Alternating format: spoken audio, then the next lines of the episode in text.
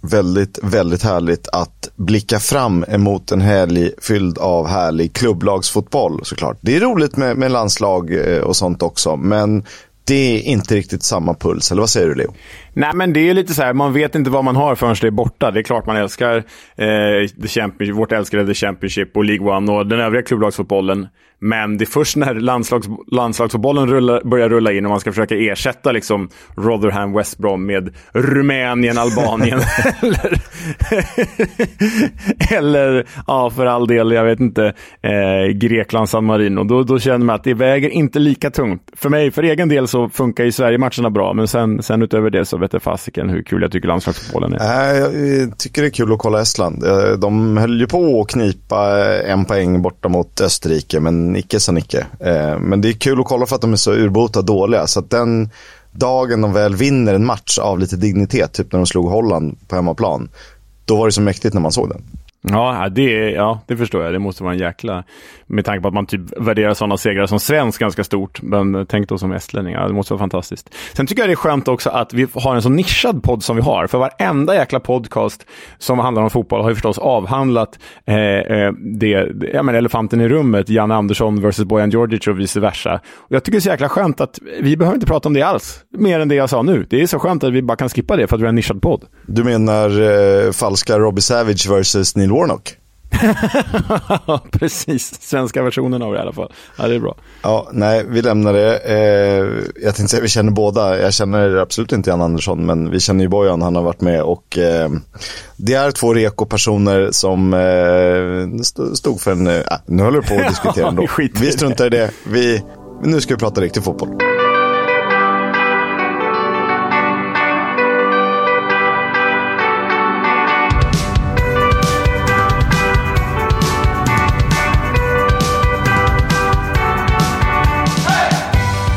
Football's Coming Home, en podcast om Championship. Idag om League One såklart och eh, ibland även ett neddyk i eh, League 2 såklart. Jag heter Oskar Kisk och eh, med mig vid min sida i eten eh, Leonard Jägersjö Welander, jag kan ju meddela redan nu att i, idag blir det ett ganska långt djupdyk i League 2 givet att The Club återvänder. Kisk, vi ska ju prata Bradford gamla fina Bradford. Det är lång, lång körare med dem. De återfinns ju i League 2, men först ska vi faktiskt prata League 1. Sjukt roligt. Uh, The Bantams, om jag inte är helt uh, offside. Och um, har man ju ett minne av där de spelade väl typ 99-00 i Premier League och på den tiden hade man inte så bra koll som man har nu. Och eh, då var det lite så här, vad är det här för någonting? Både Bradford och Watford var uppe och det var ju lustigt att det var två Ford. Mm. Det finns många Ford, det finns ännu fler Hams. Stämmer. But there is only one Hotspur. Eh, vi dyker ner i omgången som gick. Eh, det blir alltså League One eh, som sagt. Eh, vi ska återkomma med lite EM-kval eh, nytt också. Eh, men vi börjar med eh, helgens kanske hetaste match då. Det var jumbon Forest Green Rovers mot eh, serieledande då för stunden Sheffield Wednesday, eh, poddens favoritlag Sheffield Wednesday. Men här eh, hackade de farmor i låret, de goda ugglorna. Ja, det gjorde de verkligen. Jag vill bara föra till protokollet här att det har blivit mer än poddens lag. För jag köpte ju på mig, precis som du gjorde, en massa Wednesday-attiraljer när vi var där. Eh, jag kom ju hem med matchtröja, jag kom hem med en pin och jag kom ju hem med ett gosedjursuggla till äh, vår yngsta son äh, Julian. Så det som händer nu hemma är att äh, vår yngsta son, som knappt är talför, går runt med den här äh, Sheffield Wednesday-ugglan varje dag. Och vår äldsta son som snart fyller fyra, Stig, han går bara runt och säger så här, så fort han ser den där ugglan, vilket är varje dag, så säger han Sheffield Wednesday, Sheffield Wednesday. Så det, det har blivit familjen Jägerskiöld Welanders lag också, kan jag meddela. Bra införsäljningsprocess. Jag, jag längtar efter att se din familj med eh, tungt packade resväskor komma till Sheffields eh, centralstation, om vi nu väljer att kalla det det. Eh, och din frus blick när hon säger, jaha, det är det här vi ska göra en vecka. Knata runt i Sheffield för att eh, grabbarna ska få se The Owls spela. Ja, det är, jag tycker det låter fantastiskt. Det tycker jag också. Eh, The alltså som missade då chansen att ta tillbaka serieledningen från Plymouth i och med den här matchen. Det är lite hackigt spelschema alltjämt i League One. Men eh, det mest spännande i den här matchen var faktiskt att det var jumbons första seger under Big Duncan Ferguson. Som ju eh, på sin eh, presskonferens efter lovade att varken Everton eller Real Madrid eh, skulle få honom att lämna Forest Green Rovers. Eh, för han har ju trots allt ett kontrakt. Det var lite som när Yxel Osmanowski stängde dörren till svenska landslaget. Bara, jag ska inte spela med landslaget nu. Man bara, nej, nej, nej, okej. Okay. det är nog det Real Madrid och Everton känner om, om Big Dunks uttalande. Ja, nej, okej okay då. Everton möjligtvis, men nu har de ju Sean Dyche och lär väl satsa på det. Men det är, det är väldigt roligt med de där uttalandena. Jag lägger mina, min landslagskarriär på hyllan. Ja, ju, absolut, men de har inte spelat i landslaget på åtta år och det är inte, det är inte så ja. troligt. Ja, men Forest Green, eh, det var ju en ganska oväntad seger får man säga, för eh, Wednesday var ju som du sa eh, tabelletta inför den här matchen och Forest Green jumbo och efter den här segern har ju alltså FGR 11 poäng upp till säker mark och det bör ju och ska ju inte gå med åtta matcher kvar. Eh, Eh, med det sagt så kanske Forest Green ändå är en klubb som på sikt kommer etablera sig i typ den här serien, för de har ju de ekonomiska resurserna för det och ägaren som backar dem till det. Sheffield Wednesday däremot, eh, Kisk, nu är de ju faktiskt två pinnar bakom Plymouth, eh, men med en match eh, i handen, en match mindre spelad. Men det är tajt där uppe. Alltså Plymouth 80, Wednesday 78, Ipswich 75, Barnsley 72. Det kan ju bli vem som helst av de här känns det som. Det kan det bli. Eh, Sheffield Wednesday hade en ruggig, eh, ruggig fart, men har ju mattats något. Barnsley är ju nya formgänget, särskilt givet att de slog Sheffield Wednesday sist då. Nu torskade ju eh, just Barnsley eh, senast. Eh, om vi ska avsluta... Ipswich ännu hetare faktiskt. Ja, eh, så att, det går ju fram och tillbaka. Om vi avslutar den matchen vi pratade om, första segern för Forest Green sedan 10 december. Ehm, ja, spännande. Jordan DeAndre Garrick blev matchvinnare 1-0. Slutade den. Peterborough Derby eh, 2-0. Ja, det var ju en jäkla nyckelmatch för bägge, för bägge lagen. För det är ju nämligen så att Derby har ju liksom placerat sig precis på rätt sida playoffsräcket på femte, sjätte platsen och Peterborough har liksom skuggat där bakom, precis utanför playoff. Så skulle Derby ha vunnit den här så hade ju de kanske till och med inom citationstecken sågat av Porsche. Men det blev ju tvärtom. Porsche vann ju med 2-0, vilket innebär att Derby finns i ja, skrivande stund, i talande stund, på rätt sida playoffstrecket på 64 poäng på sjätte plats. På 63 poäng på sjunde plats, Peterborough. Så det är ju en jäkla viktig victoria för Porsche som ju gjorde mål genom Efron Mason Clark och Nathaniel Ogbeta. Mm. Det var ju Ogbeta, 21 år, eh, fyllda hans första mål för säsongen och för klubben lika så. Eh, en grej som är ganska sjuk, jag kollade Peterborough eh, resultatrad. De har vunnit 20 matcher, de har förlorat 15. De har bara tre kryss. det, det, ser, det ser väldigt konstigt ut. Um, det är alldeles för Och folk. gjort samma tränarbyte den här säsongen som de gjorde förra säsongen, fast tvärtom. För då hade de ju Darren Ferguson, sparkade honom, tog in Grant McCann. Och så inledde de här säsongen med Grant McCann, sparkade honom, tog tillbaka Darren Ferguson. jag vet inte fan. Det är väl tre, det är bådas liksom tredje, fjärde sessioner. Är det Englands Palermo, Peterborough? Kan det vara så? Ja, eh, det är Englands Palermo. Fy fasen vilket jävla smeknamn. Det är rubrikvänligt. Ja, verkligen. Eh, vi går vidare till eh, de onämnbara. De heter MK Dons, de heter Morecamb. Eh, de vann den matchen med 1-0 mycket tack vare Jonathan Lico. Eh, den tidigare West Bromwich Albion-talangen var ju med och spelade Premier League för ett gäng år sedan. Eh, Milton Keynes tog sin tredje raka seger, vilket betyder att de tyvärr också det inom citationstecken närmar sig nytt kontrakt. Ja, och desto värre för då Morecamb, uh, eh, the Shrimps. Eh, som har en fin räka i sitt emblem. Trots att de har Christy the Cat som maskot. Jag älskar att säga det, det är väldigt märkligt. Men Morecamp går ju helt åt helsike för. Inte lika dåligt som Forest Green Rovers och de har ju faktiskt bara, vad blir det, en fem pinnar upp till säker mark va? Men eh, de ligger alltjämt under det förhatliga nedflyttningsstrecket. Det är tungt, det är dessutom fyra lag som åker ut. om man inte visste det. Det var ju klasskillnad när MK Dons eh, ändå bara vann med 1-0. Pompey tog emot Port Vale. Eh, den matchen slutade 2-2. Det här sedan Colby Bishop missat en straff först då för hemmalaget. Sedan satt en när eh, Portsmouth hämtade upp 0-2 till en poäng hemma. Eh, Colby Bishop har gjort 19 mål den här säsongen. Han är därmed skytteliga två bakom Johnson Clark Harris. Mm, Pompeys 13 kryss för säsongen och det är väl liksom den stora anledningen till att eh, The Pompey Chimes inte kommer att eh, eh gå upp till The Championship. Det är annars en klubb som i alla fall jag vurmar för. Hade väldigt kul, hade varit väldigt roligt att få upp dem, framförallt om Southampton åker ur. Men det får vi alltså vänta eh, med. Eh, Pompeys 13 kryss låter ju mycket. Lincoln City Kisk, de har 18 kryss. Jesus Christ. det är helt sjukt. Det är helt sjukt. De har ju nio segrar, tio eh, förluster och 18 kryss. Eh, det är League One det händer. Jag tycker vi ska lägga ner Championship. Det är alldeles för kommersiellt, det är för mycket pengar.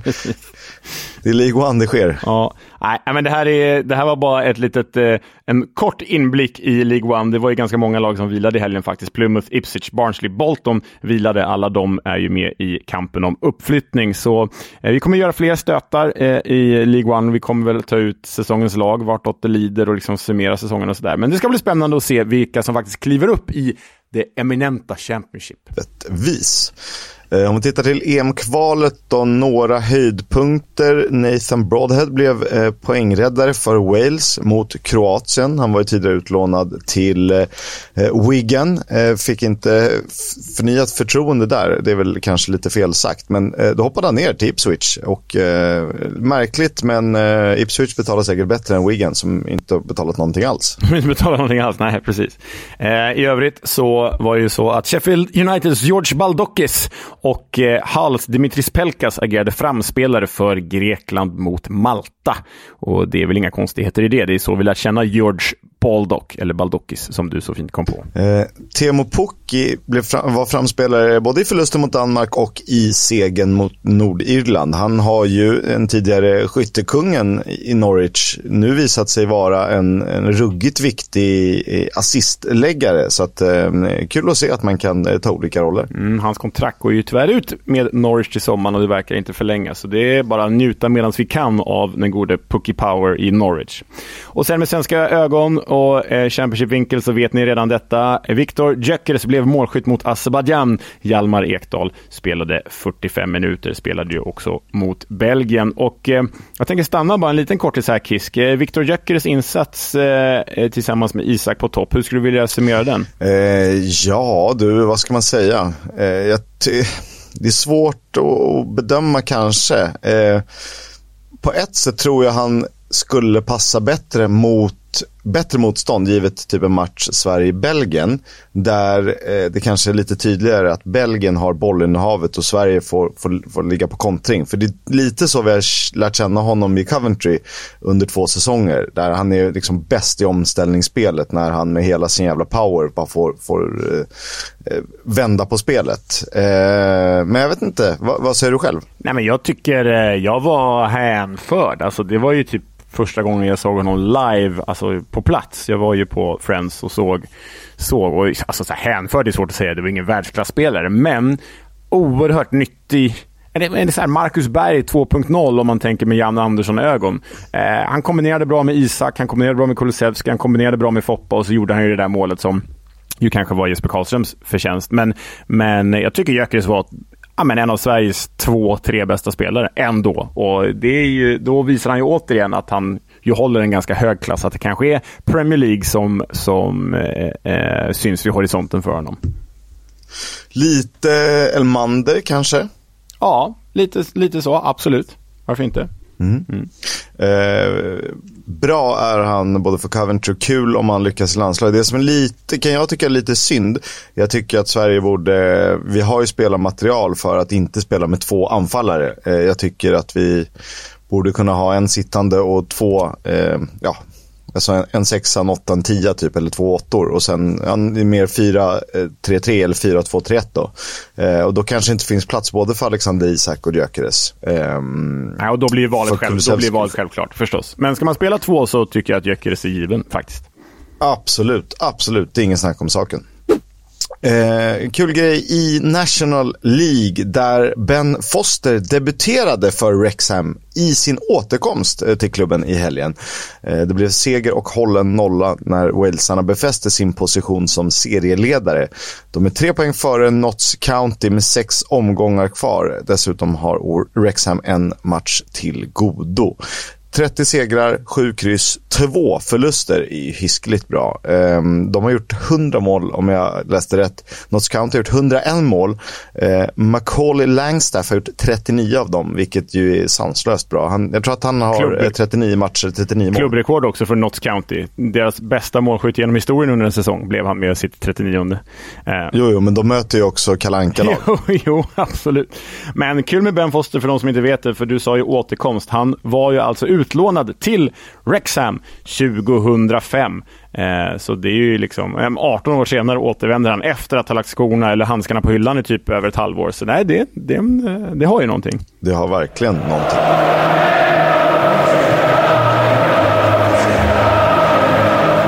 Fotbolls Coming Home sponsras av Stryktipset, ett spel från Svenska Spel, Sport och Casino. För dig över 18 år. Stödlinjen.se jag eh, fick ju kupongen i god tid så att jag var lite fräck och tog matchens, eh, eller helgens höjdare som min höjdare eh, såklart. Eh, match 10 i Championship, det är Cardiff mot Swansea, det är South Wales Derby. Och det är ju faktiskt ett av brittisk fotbolls absolut hetaste möten. Eh, med Cardiff dessutom indragna i bottenstriden kan ju de goda svanarna hitta ett glädjeämne i en annars ganska beige säsong i, i det här derbyt om man då lyckas sänka rivalen. Cardiff är faktiskt i akut behov av poäng och måste greppa efter alla möjliga halmstrån som finns. Ska man helgardera i med derby eller ska man nöja sig med en gaffel? Ja, eh, Frågorna är många. Man får fundera fram till spelstopp på lördag.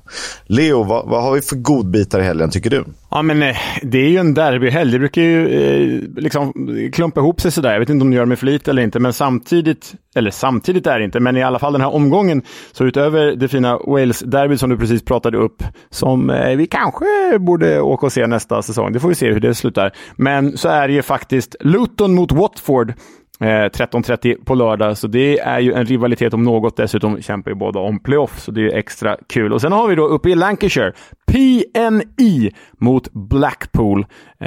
Um, så eh, där kämpar ju Blackpool för näbbar och klor, som ni vet. Så det är ju två, olika, två ytterligare derbyn och sen har vi faktiskt en sån här fredagsunderhållning igen. Det är inget derby, men det är Burnley mot Sunderland på en fredag och det gillar man ju. Eh, det älskar man ju eh, se Hjalmar Ekdal, jag tänkte säga mot Ross Stewart, det är trist att han inte är med. Men eh, styra upp spel och äntligen få vara lite bollförande i, i sitt spel igen, det, det förtjänar han. Verkligen. De uteblivna lönerna till Wigan, spelarna har nu äntligen betalats ut eh, och i samma veva så lämnar vd Mel Brannigan sin position.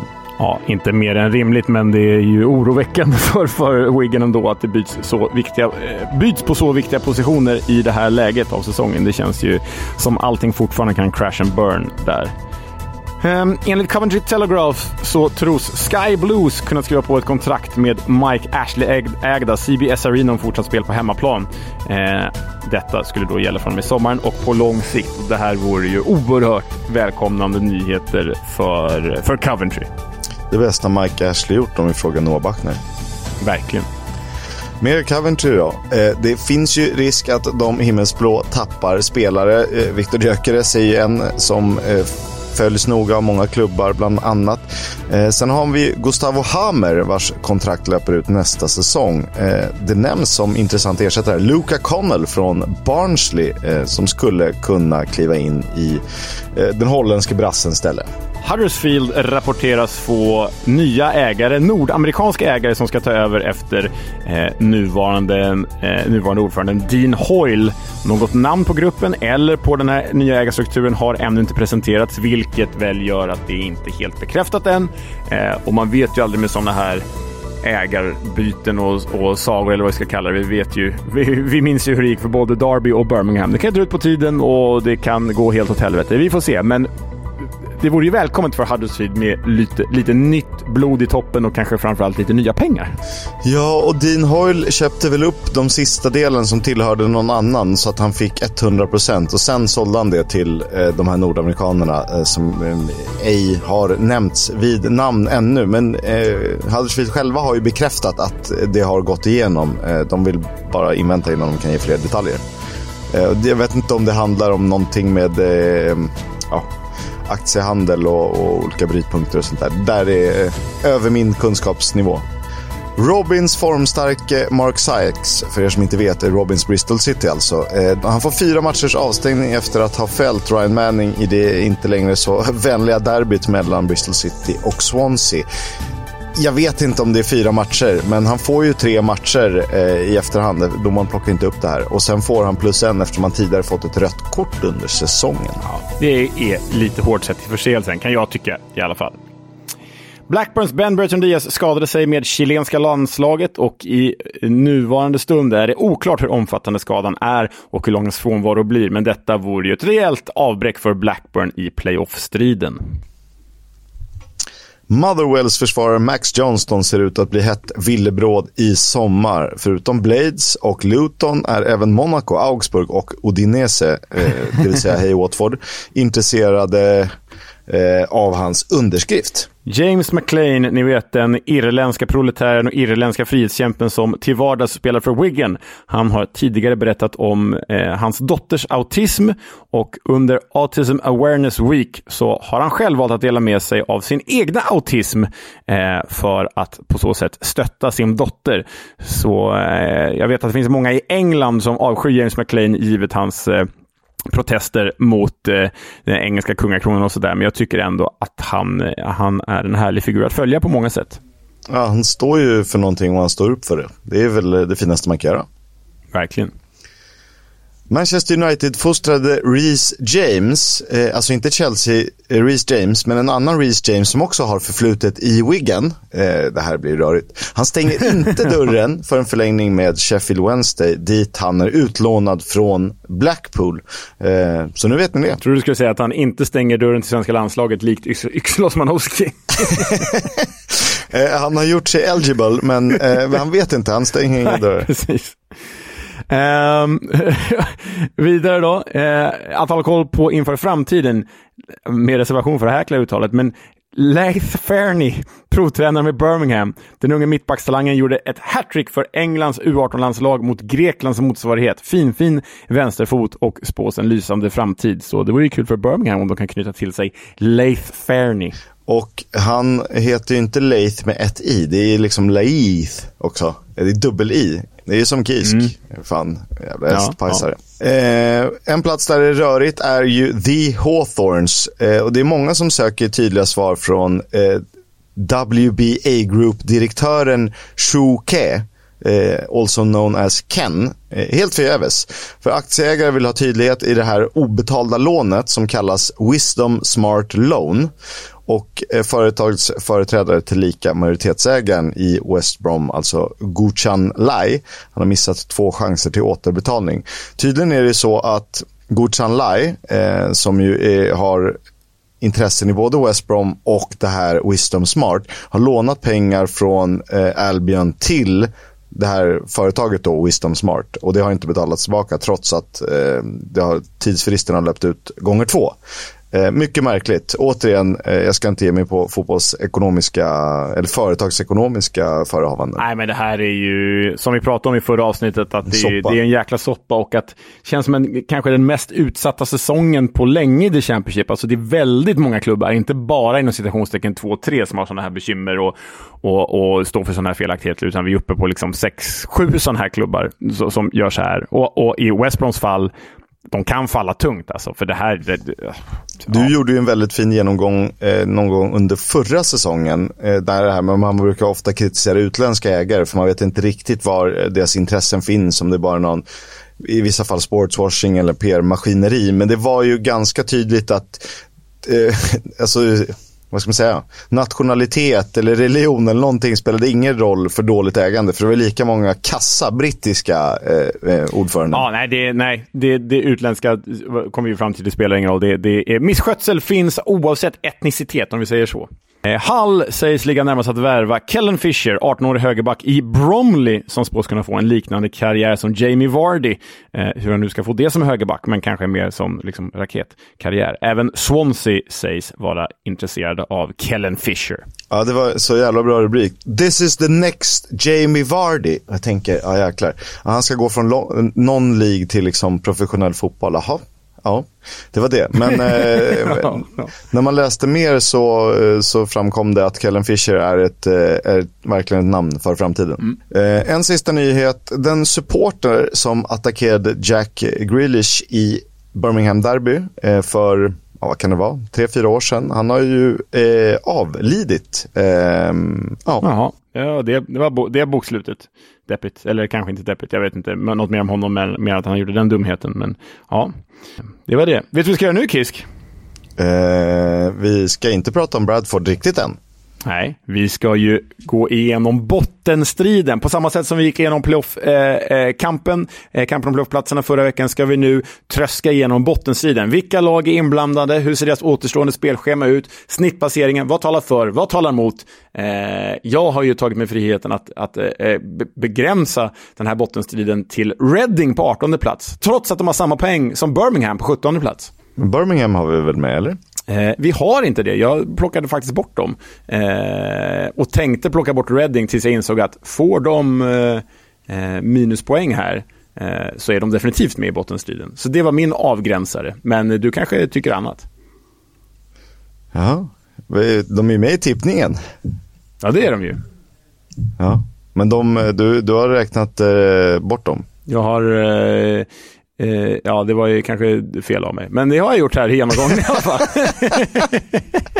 ja, det är otroligt bra. Okej, Leo slår fast att Birmingham klarar sig. Ja, ja, det gör jag. Men med det sagt så kanske andra lag som vi har med i bottenstriden här kan gå om dem. Men jag slår fast, om att, jag slår fast att Birmingham klarar sig. Så vi går igenom från Reading och neråt. Reading på 18 Ja, och de plats. har ju ett stort, eh, ett stort moln som hänger över dem. Och vilket kanske bidrar till det. Ja, för det är ju nämligen så, om vi börjar börjar om vi kör varannan klubb här så börjar jag på Reading. Reading återfinns på 18 plats. De har 45 poäng, hiskeliga minus 18 i målskillnad, en av de sämsta siffrorna i serien. Och de kan ju faktiskt drabbas av minuspoäng. Det rapporteras om att det kan bli nästa säsong också. Men drabbas de av 6 minuspoäng, eh, som det talas om den här säsongen, då är de ju ytterst inblandade i, i bottenstriden. Skulle de få det nu är de ju bara tre poäng före Huddersfield som ligger under strecket.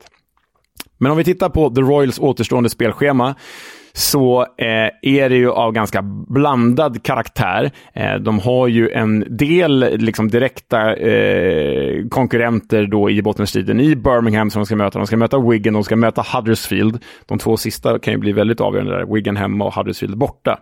En snittplacering på 12,75, vilket inte är det starkaste av motstånd, trots att de bland annat ska möta seriesuveränen Burnley.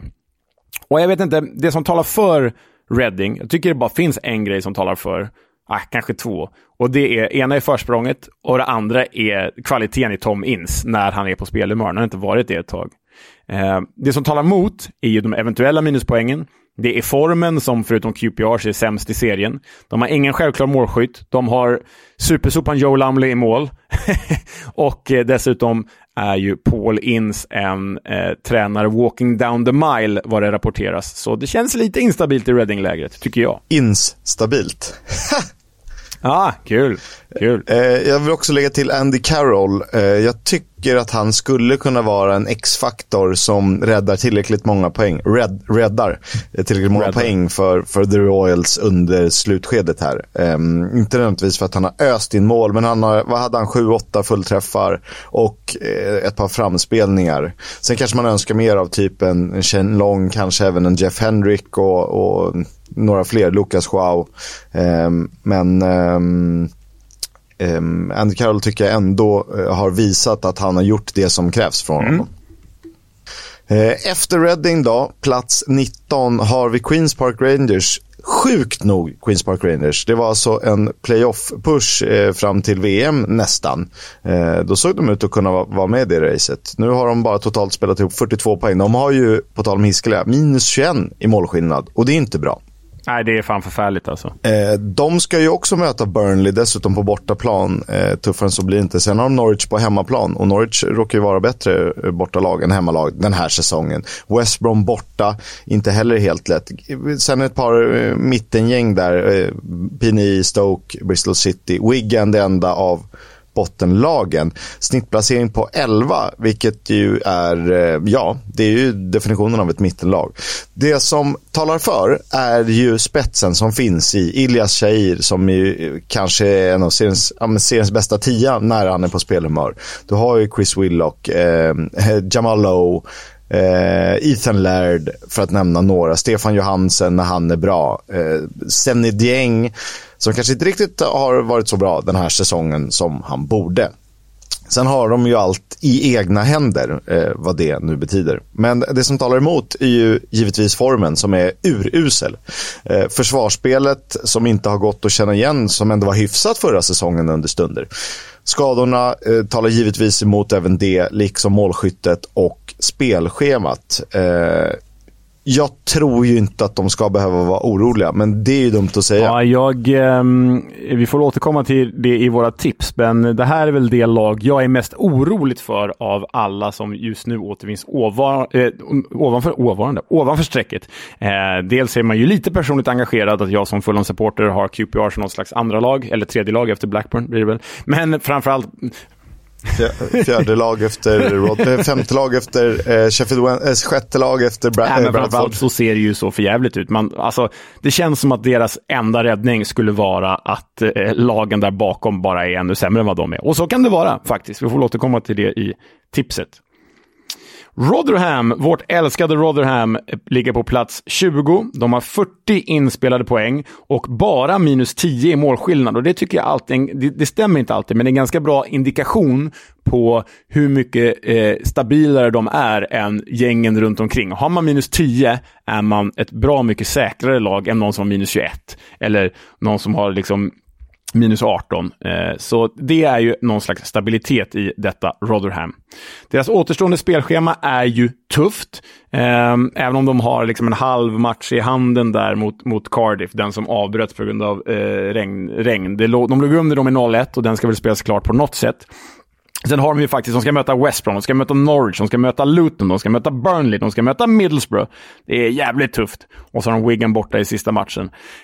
en snittplacering på 10,8. Eh, det är ju ganska eh, ett av de tuffare spelschemana om vi håller oss till bottenstriden här. Det som talar för Viktor Johansson och defensiven och den här liksom lagstabiliteten som finns. Det som talar emot, ja, spelschemat nämnde jag ju precis hur förjävligt det är. Målskyttet och deras oförmåga att vinna matcher. De vinner ju inte så många matcher längre. När de tar poäng så kryssar de. Så Ja, Rotherham kan få det lite svettigt givet spelschemat, tror jag. När vi var i Rotherham och eh, träffade Victor Johansson bland annat och såg dem mot Sheffield United så då var de kanske inte riktigt lika tydligt indragna i bottenstriden, även om de var liksom nykomling och hade plockat lite för många poäng gentemot vad de borde. Men jag tyckte ändå inte att det fanns något i det Victor Johansson sa, sa som var så här alarmerande, utan det kändes som att det fanns ett go i truppen. Eh, till skillnad från vad man har sett vissa andra lag eh, när de spelar. Cardiff ser inte ut att ha någon så här jätteharmonisk stämning, till exempel. Nej, precis. De, de känns... Rotherham är ju, där, är ju faktiskt i nuläget bättre än vad de ska vara. Alltså allt mer än överlevnad är ju en succésäsong för dem. Så de är nog de som är minst stressade av det faktum att de är indragna i bottenstriden. Eh, vilket ju förstås också talar ja, för dem. för de, de har ju liksom Connor Coventry på mittfältet, Grant Hall eh, och Victor Johansson. Om man ser det som en centrallinje. Det enda som saknas det är ju någon på topp som, som faktiskt eh, gör lite nytta. För Chio så bra är han väl inte över 46 omgångar. Nej, och inte Jordan Hugel heller. Nej, även om han är älskvärd på sitt sätt. På 21 plats hittar vi Cardiff, eh, 39 poäng minus 13. De har ju den där eh, halva matchen mot Rotherham kvar, får se vad som blir av den. En snittplacering på 13,11 vilket vittnar om kanske något lättare spelschema. Men de ska möta både Burnley och Sheffield United, ettan och tvåan alltså. Sen är det lite mittengäng, sen är det också Blackpool, det är Huddersfield eh, i botten att, eh, att tampas med. Vad talar för? Formen, något bättre, absolut. Eh, Sabri Lamucci eh, har ju visat sig ge precis den effekt som önskas. Det som talar emot är ju såklart målskyttet och skadorna. Nu verkar det ju som att Callum Robinson kan vara till, på väg tillbaka eh, kring landslagsuppehållet. Jag såg inget exakt datum. Eh, och det kan ju vara skillnaden. Eh, för så pass bra är han absolut, din eh, skyttekung, årets spelare. Ja, inte skyttekung, men årets värvning slog jag fast det som. Det blir väl inte riktigt så, men eh, det får vi summera sen när säsongen är över. Nej, men... Eh, vi får återkomma det till, till tippningen strax också, men jag tycker Cardiff känns, trots det rådande tabelläget närmast strecket, så tycker jag att de ändå känns under Lamouchis ledning ganska stabila. Jag tror att de grejer det här. 22 plats, under strecket alltså, har vi Huddersfield, Neil Warnocks Huddersfield. De har 36 inspelade poäng, minus 21 i målskillnad, vilket är ju fasansfullt dåligt. Spelschemat är ganska tufft, det är en snittplacering på 10,75 där de då bland annat ska möta Sheffield United, Middlesbrough, Watford, Blackburn, men även då eh, ta sig an bottenstridskollegor som Cardiff och Reading på bortaplan. Värt att notera att fem av deras återstående åtta matcher är på bortaplan. Eh, det kan ju vara tufft, bara det. Jag har försökt hitta saker som talar för deras eh, överlevnad här och jag hittar ingen, så jag skrev bara Neil Warnock. I stora bokstäver, I stora också med utropstecken. Ja, ja. ja, nej, jag tycker det ser ganska mörkt ut i Huddersfield. Eh, Eh, jag vet inte, hittar du någon kisk där, där du känner så här, fan det här kan ändå hjälpa dem? Upp. Nej men nu var jag tvungen att mm, tänka efter. Eh, Lee Nichols är borta resten av säsongen och det är ju en målvakt vi gillar. Ja. Um, sen är det väl ganska tomt på spelare. Sorbert Thomas eh, drog ju till Blackburn. Så eh, jag vet inte riktigt vad, vad, som, vad som ska sticka ut här egentligen. Nej. Tala emot då. Ja, det är ju att det är fem av åtta är ju bortamatch. Fem av åtta kvarvarande är bortamatcher. Det finns ingen målskytt. Truppen är tunn. Eh, den är ju liksom helt renoverad jämfört med ett år sedan. Eh, ah, ja, det, det finns... Vem ska göra målen liksom? Vem ska vinna matcherna? Nej, det ser, det ser mörkt ut. Helt enkelt i uppe i Truppen är inte renoverad, den är demolerad. Den är demolerad, det är bättre ord. Demolition Derby. Destruction Derby. Bakom eh, Huddersfield hittar vi Blackpool på 23 plats med 35 poäng och eh, kraftiga minus 18 i målskillnad. Eh, blandat spelschema där de ställs mot bottenlag i form av Cardiff, Birmingham och Wigan, men också tuffare motstånd som Luton, West Brom, eh, Millwall, Norwich bland annat. Eh, så det är lite eh, blandad skara där. Eh, snittplacering 12,5 vad som talar för då? Pot potentialen i truppen. För det finns ju vissa eh, spelare som kan göra skillnaden. Josh Bowler, Jerry Yates, eh, Charlie Patino. Eh, för att nämna några.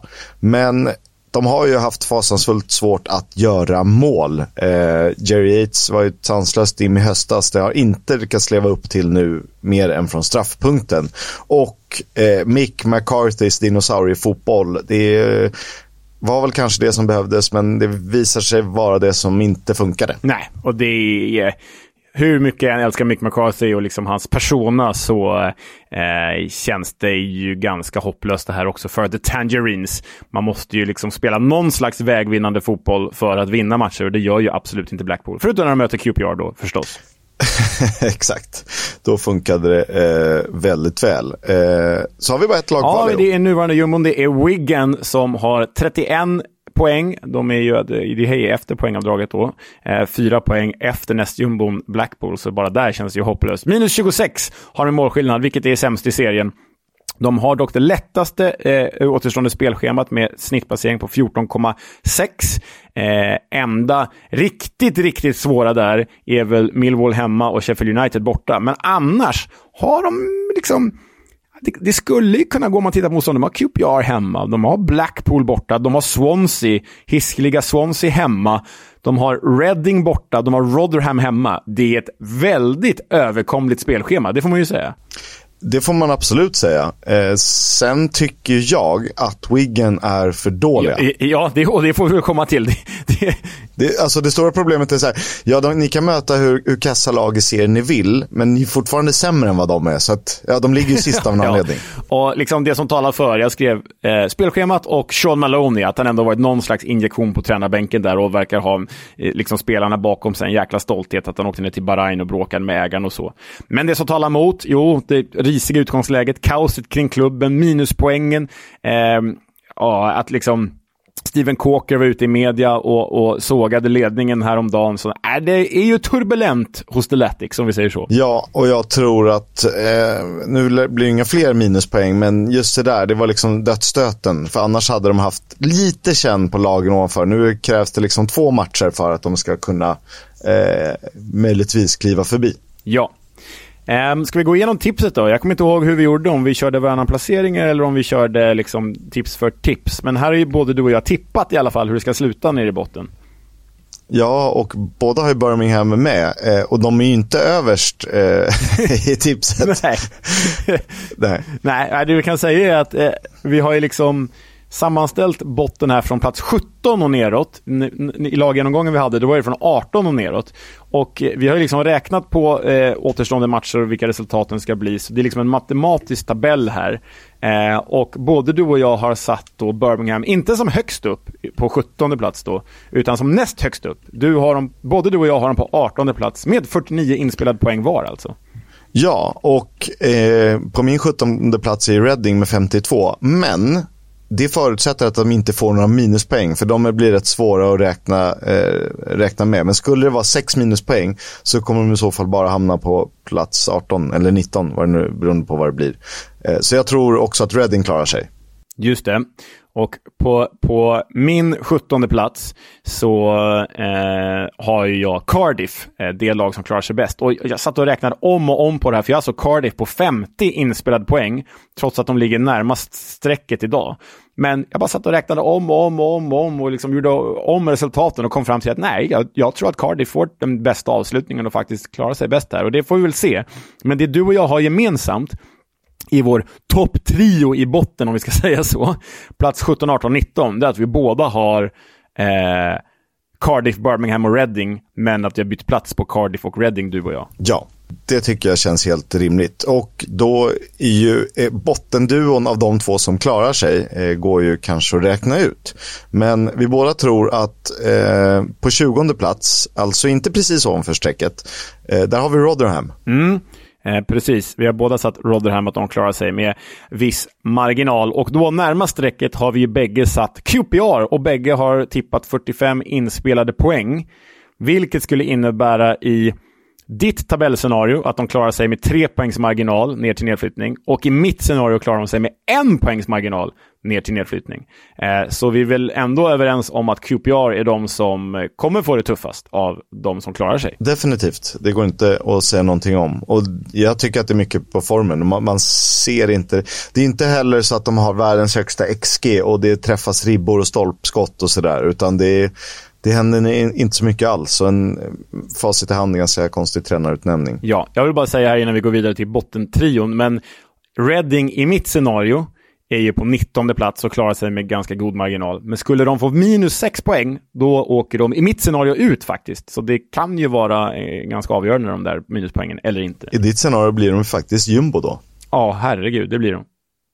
Ja, jävlar. Så tätt har jag. Men vi ska väl säga här nu när vi kommer till bottentrion att både du och jag har nuvarande bottentrio under strecket, alltså eh, Huddersfield, Blackpool, Wigan.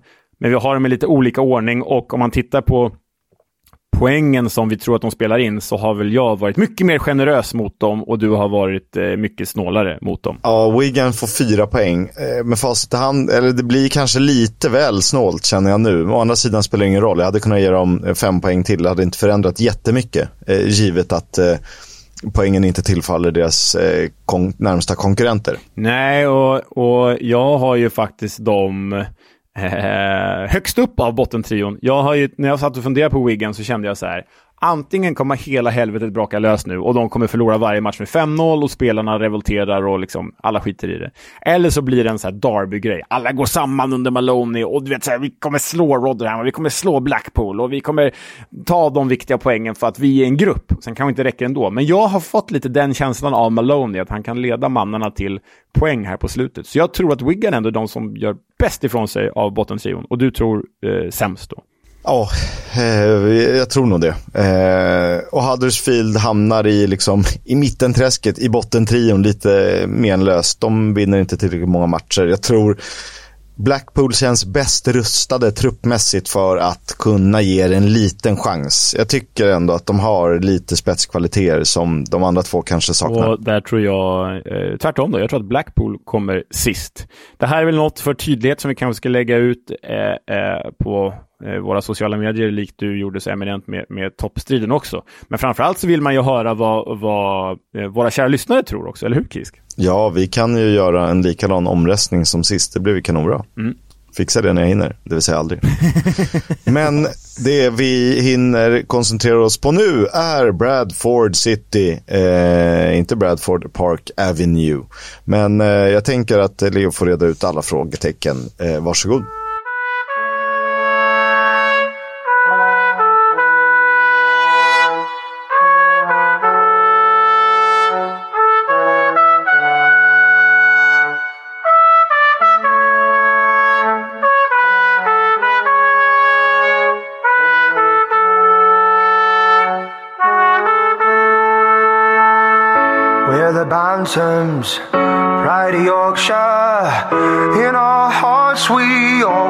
Together.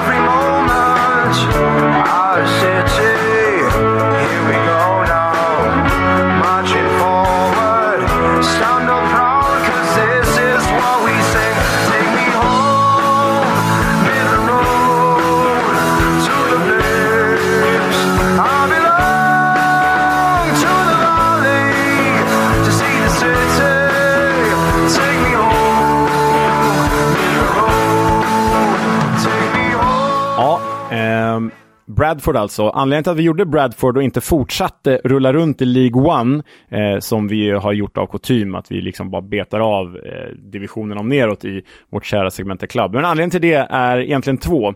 Dels att, nej det är tre. Dels att berättelsen är värd att berätta nu i förtid. Vi orkar inte vänta typ 30 The Club till innan det är dags för Bradford, därför att de ligger i fjärde divisionen. Andra är att Johan Orenius hyllade ju eh, Bradford i, när vi intervjuade honom här om veckan. Och det tredje är att när eh, ni, kära lyssnare, fick rösta vilken tröja jag skulle införskaffa den här säsongen, så röstade ni på Bradford. Och eh, då tyckte vi det var anledning nog att prata Bradford. Man skulle kunna säga att det typ är den största minsta klubben eller minsta stora klubben eller typ, eh, de är ju ändå så här topp 50 om vi pratar maratontabell. ja, det, det, är inte så imponerande kanske, ja. men, det är, men det är, du, är ju något, du är ju något på spåren att så här, finns det en mindre klubb som har satt så stort avtryck som Bradford har gjort? Det vet inte fan. Eh, Nej, exakt. För i, i, England är det ju tveksamt. De har ju liksom, The Bantams har ju faktiskt bara två säsonger i högsta serien sedan 1922. De har bara en titel av värde. De har bara spelat två finaler i hela sin historia. Och ändå är de ju hyfsat omtalade av, av liksom oss, oss införlivade i alla fall. Och då undrar man ju varför. Och ingredienserna är ju många. Ett, branden på Valley Parade, såklart, är ju en, en historisk eh, snackis, en tragisk sådan, men vi får återkomma till den. Två, de är det enda laget i hela England som spelar till Clareton Amber, alltså vinrött och bärnsten. Det är ju väldigt lätt igenkännligt. igenkännligt. Eh, tre, de har spelat i Europa på den här sidan i millennieskiftet, trots att de som bäst slutat på 17 plats i Premier League.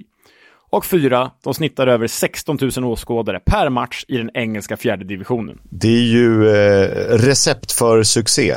Och vi får återkomma till alla de här punkterna, eh, men först och främst ska vi ta oss en titt på det som Johan Norén just pratade så fascinerat om, staden Bradford. Bradford ligger cirka timmen eh, ost om Manchester i västra Yorkshire, precis norr om Huddersfield och strax väster om den betydligt större grannen Leeds. Ett bälte av fotbollsrivalitet frodas här. Det bor ungefär 350 000 personer i Bradford om man räknar liksom hela omnejden, hela vad säger man, ja, men, länet typ, så är det uppemot en halv miljon. Och Bradford växte sig stort, hör och häpna, under 1800-talets industriella revolution. Det var ett, då ett internationellt centrum för textilfabriker och ylleindustrin. Staden kallades till och med för Wool Capital of the World, också känd som Woolopolis. Den är bra. Woolopolis. Woolopolis. Med sin närhet till bergskedjan Penninerna underlättades industrin av tillgången till både kol och järnmalm. Men precis som en stor del av de industriellt revolutionära städerna drabbades även Bradford av motgångar under 1900-talets andra hälft.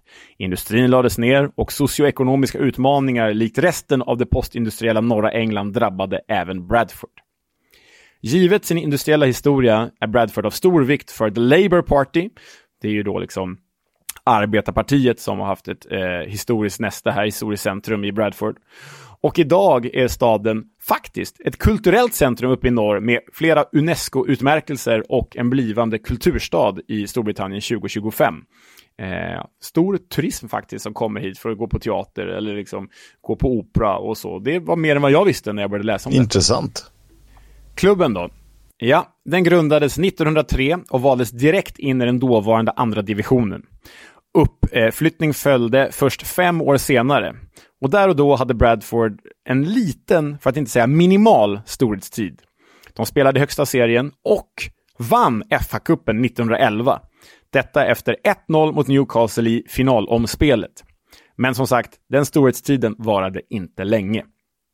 Istället eh, dundrade de ur högsta serien. Nedflyttning blev det 1922 och därefter följde årtionden Eh, innan, ja, nästan ett århundrade, innan klubben tog sig upp på respektabel mark igen.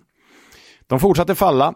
Istället för att fastna i andra divisionen så tillbring, tillbringade klubben majoriteten av sin tid i tredje eller fjärde divisionen fram till 1986. Men där är vi inte riktigt än. Vi ska faktiskt stanna 1985, så ett långt hopp fram i tiden här nu. Och vi ska istället dessvärre röra oss mot de tragiska händelserna på Valley Parade just 1985. Det var säsongens sista match och egentligen en festlig tillställning. Bradford skulle bara spela av den här matchen och därefter koras till Third Division Champions. Men så blev det inte.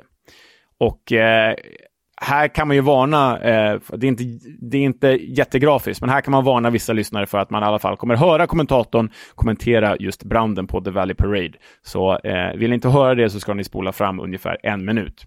Men så här lät det då i kommenteringen. We've actually got a fire in the stand on the far side of the ground. And that looks very nasty indeed. Now the police have gone over there to try and quell uh, the fire and they're frantically getting some of the supporters out. Now these are extraordinary scenes at Valley Parade. It's supposed to be a day of celebration. One hopes the stand doesn't burn down.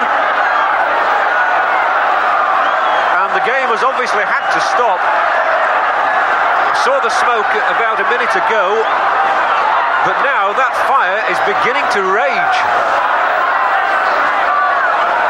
And the police are doing a tremendous job in getting people out of the stand and onto the pitch. But a day of triumph could turn into a day of disaster here for Bradford. Timbers are coming down onto the ground, and this is horrific. There is no cause for celebration for anybody here. This is awful. They came to celebrate the club's promotion to the second division for the first time in 50 years, and now they're running for their lives.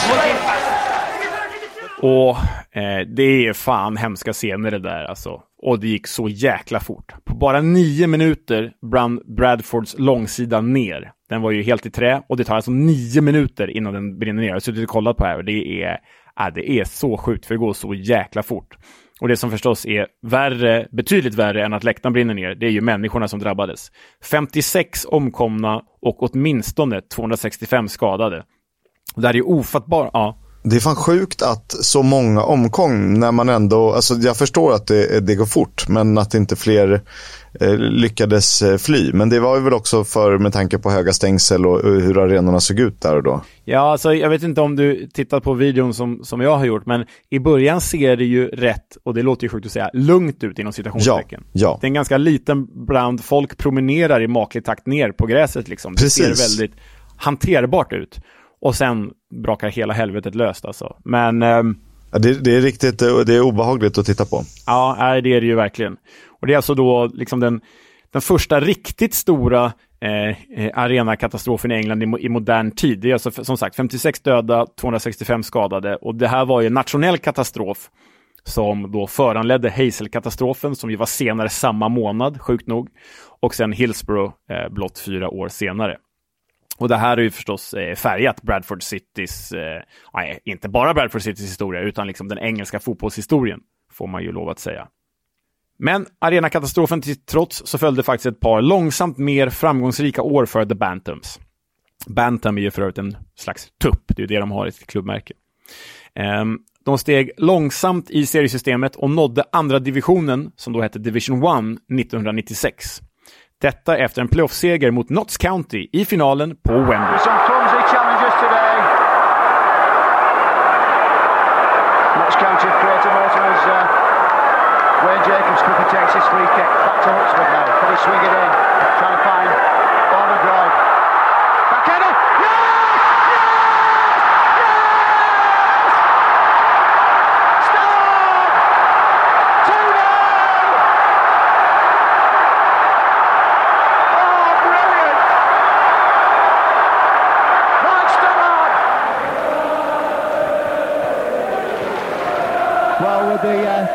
Shown at 82 minutes and the scoreline showing Bradford City 2, Notts County nil, is it going to be the day of the Yorkshiremen? Och som kommentatorn sa så blev det just en day for, for the Yorkshire Men. Och det mycket tack vare en Chris Kamara som var tränare då. Och eh, Kisk, vill du um, utveckla vem Chris Kamara är för de oinvigda? Eh, ja, men ikon i gamet. Eh, på senare år mest känd för att eh, ha missat att, vem fan var det som blev utvisad då? Eh, missat en utvisning i en match han kommenterade när eh, Sky Sports skickade honom eh, mellan, eh, mellan studion och Chris Kamara. But for who Chris Kamara? så jäkla, så jäkla, jäkla, jäkla bra. Eh, han har ju varit en väldigt eh, populär expert och reporter efter sina dagar som både spelare och tränare. Och året därpå, eh, efter uppflyttningen alltså, så etablerade sig Bradford i andra divisionen tack vare Chris Waddle som försökte återstarta, återstarta sin karriär där. Chris Waddle, gammal storspelare. En av Englands bästa, får man väl säga, under en tioårsperiod. Absolut, mest sevärda kanske i alla fall. Ja, verkligen. Och ytterligare ett år efter det så var Bradfords bästa målskytt faktiskt svensk, med 11 fullträffar. Vem då? Men det var väl han som vi pratade om att kanske eh, snacka med, Robert Steiner va? Mm, korrekt. Vad har du på honom? Eh, ja, han spelar i Bradford. Precis. Han är väl eh, skötte va? Ja, jo men det stämmer nog. Alltså, jag, jag hade inte jättebra koll på honom. Jag, självklart hade min kära kollega Joakim Aspelin koll på honom, eh, eftersom att han är en gammal allsvensk klassiker. Men ändå 11 mål i andra divisionen eh, är ju ändå imponerande. Vi, sen gjorde han faktiskt ett par år i QPR också och eh, förhoppningsvis kan vi prata med honom vid ett annat tillfälle om hans äventyr i England. Men du, eh, nu kommer ju den såklart klassiska frågan. Vilka andra svenskar har spelat i Bradford? Och här förväntar jag mig inte att du ska kunna allt, för det är ganska tufft. Eh, jag vet ju en som har spelat typ en match. Eh, det är Magnus Persson. Eh, efter eh, Djurgården så blev det ett eh, utlandsäventyr. Ehm, så MP har man ju koll på. Och- och- Sen är det väl en målvakt va? Ja, ja med, med kopplingar till dig också, såklart. Ja, eh, jag kommer ihåg att vi var eh, ett, en av de första svenska medierna när jag drev webbsporten som gjorde en intervju med, med Oskar Jansson. Ehm, och han var utlånad även till Shamrock Rovers ehm, innan han flyttade hem till Sverige och Örebro, numera i Norrköping. En uh, tuff flytt. Sen är det väl någon till va? Ja, det är ju en mer och det är eh, Thomas Isherwood eh, med förflutet i Östersund och förflutet i Bayern München. Jag tror att han är i Darmstadt numera faktiskt, på väg upp i Bundesliga då. Um, men den begär man ju inte. Jag ber inte att du ska kunna någon av de här. Men du skickade ju faktiskt en bild till mig i veckan på just Magnus Persson i Bradford. Den var ju faktiskt hiskligt rolig. Man skrattade gott. Ja, tillsammans med Chris Kamara. Den, eh, den kommer ni få se. Bradford i andra divisionen alltså på 90-talet. Det blev bara tre säsonger där innan återkomsten till eliten och första säsongen i Premier League säkrades våren 1999. Bradford kom tvåa i tabellen och följde med Sunderland upp till Premier League. Första säsongen i högsta divisionen på 77 år för Bradford och bara det är hisnande. Tänk att den här klubben som ändå är ganska, som sagt, välkänd gick 77 år utan att spela i högsta serien.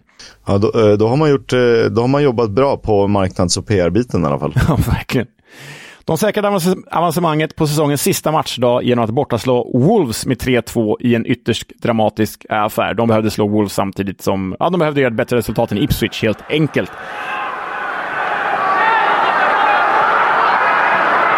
Bradford fans may also have heard uh, that George Donis has scored for Sheffield United. That will encourage them. As the ball is played in here and Lee Mills gets in. It's Blake. Can he finish the job for Bradford? It's 3 1. Who knows? That may be the one. They are in heaven. And Robbie Blake, who has had such a wonderful, wonderful season for Bradford City, gets his 17th of the season, and he'll surely never score a more precious goal than this one. Beagry and Blake can hardly bear to watch. Bradford are in the Premier League. 77 years they've waited. Paul Jewell in his first season as manager has achieved the impossible. Pulsating game. We went a goal behind, and all credit to the players. They were fantastic. Um, and if the penalty goes in, we probably have a nice little uh, 10 minutes at the end there. But be Bradford being Bradford, we like to keep people in the ground and um, let them get back in the game. Och där hörde ni Bradford being Bradford sagt av managern Paul Jewell, dåvarande managern alltså. Och det hade han väl rätt i, för i Bradford handlar fotboll om lidande. Och mer lidande kommer vi till. Men jag tycker vi bara ska stanna en kort stund här. Det är ganska profilstarka lag som Paul Jewell basade över i Premier League. De hade alltså, väldigt brittiskt förvisso, men ändå profilstarkt. Stuart McCall, David Weatherall, Robbie Blake, Peter Beagry, Dean Windass, Lee Sharp, Gunnar Halle, Dean Saunders, Neville Southall, Benito Carbone, Robert Molinar och så vidare. Mycket Everton och Leeds-kopplingar där, men ändå profilstarkt. Väldigt mycket Championship Manager över det här laget. Verkligen. Det blev dock bara två säsonger i högsta serien. De klarade kontraktet med tre poängs marginal första säsongen, jumbo den andra, trots Benito Carbone. Men de lyckades faktiskt kvalificera sig för Intertoto-cupen på typ så här fair play-plats. Eh, eh, men det kostar de ju, för då åkte de ju ur den säsongen. Såklart. Men sedan 2001 har de alltså inte återvänt till högsta serien och åren har varit tuffa. Blott tre år efter nedflyttningen från Premier League så återfanns Bradford i tredje divisionen och ekonomisk misskötsel innebar att klubben hamnade under tvångsförvaltning två gånger på två år. Och utifrån det landade Bradford där de historiskt sett verkar höra hemma. I ett limbo mellan tredje och fjärde divisionen. Ett sämre Norwich och Fulham alltså. Uppflyttningar firas och degraderingar räknas. Men ett år eh, efter 2001 står verkligen ut. Och det är säsongen 2012-2013 då The Bantams nådde final i ligacupen för första gången i klubbens historia. On Oscars night, regardless of who wins, it's a Hollywood story. The end, it just wasn't to be. Bradford City's hopes of Wembley glory were crushed by Premier League side Swansea, who beat them 5 0. There was to be no miracle, but they've created some amazing memories. Let's look back on a very special day with the help of BBC commentator Guy Mowbray. City till I die, I'm City till I die.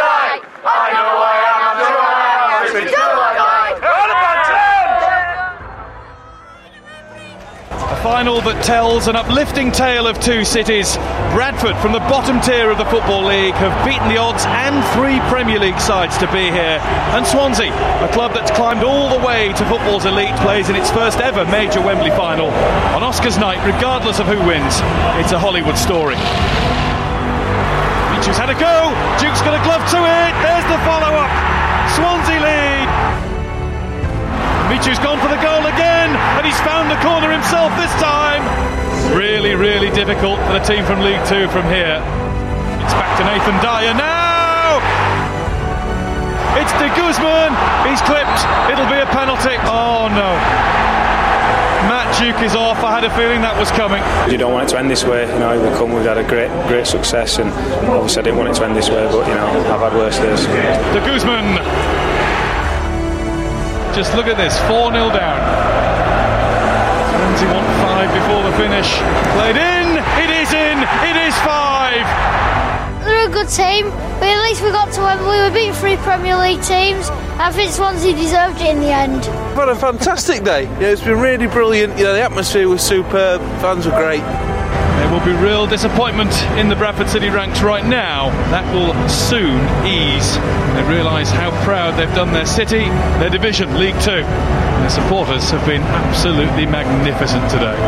If you can put it in a context. Uh... Var, eh, var det här när de blev slaktade av Swansea va?